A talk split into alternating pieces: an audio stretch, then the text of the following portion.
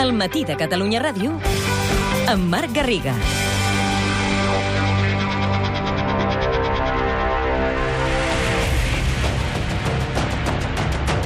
Trenta-cinc cops de fals. Les famílies.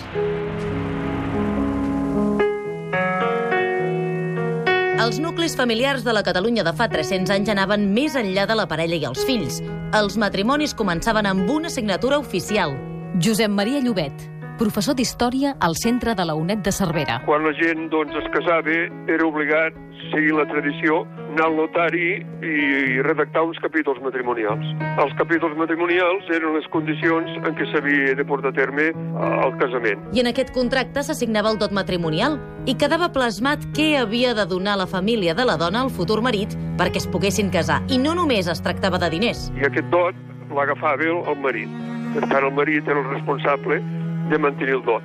Normalment estava format per una part que era diners en metàl·lic i per una altra que eren objectes.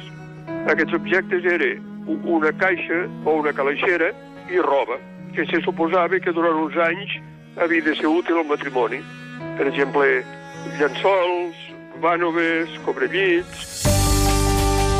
Amb aquest contracte notarial, les donacions de la família, els pactes... Què passava amb l'amor? Les noies, especialment, eh, es casaven relativament joves, doncs entre 18, 20 anys, i aleshores eh, els matrimonis moltes vegades estaven organitzats pels familiars. Però això era una tradició normal.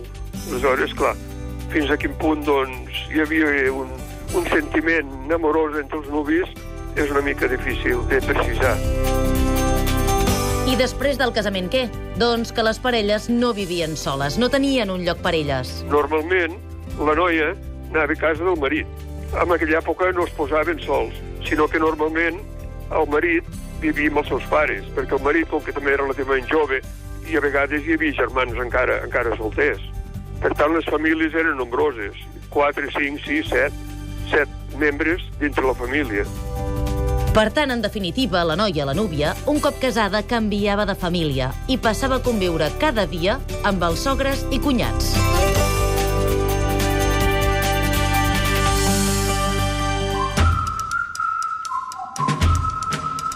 Trenta-cinc cops de fals. Laia Claret i Clara Jordan amb muntatge musical de Josep Plazas.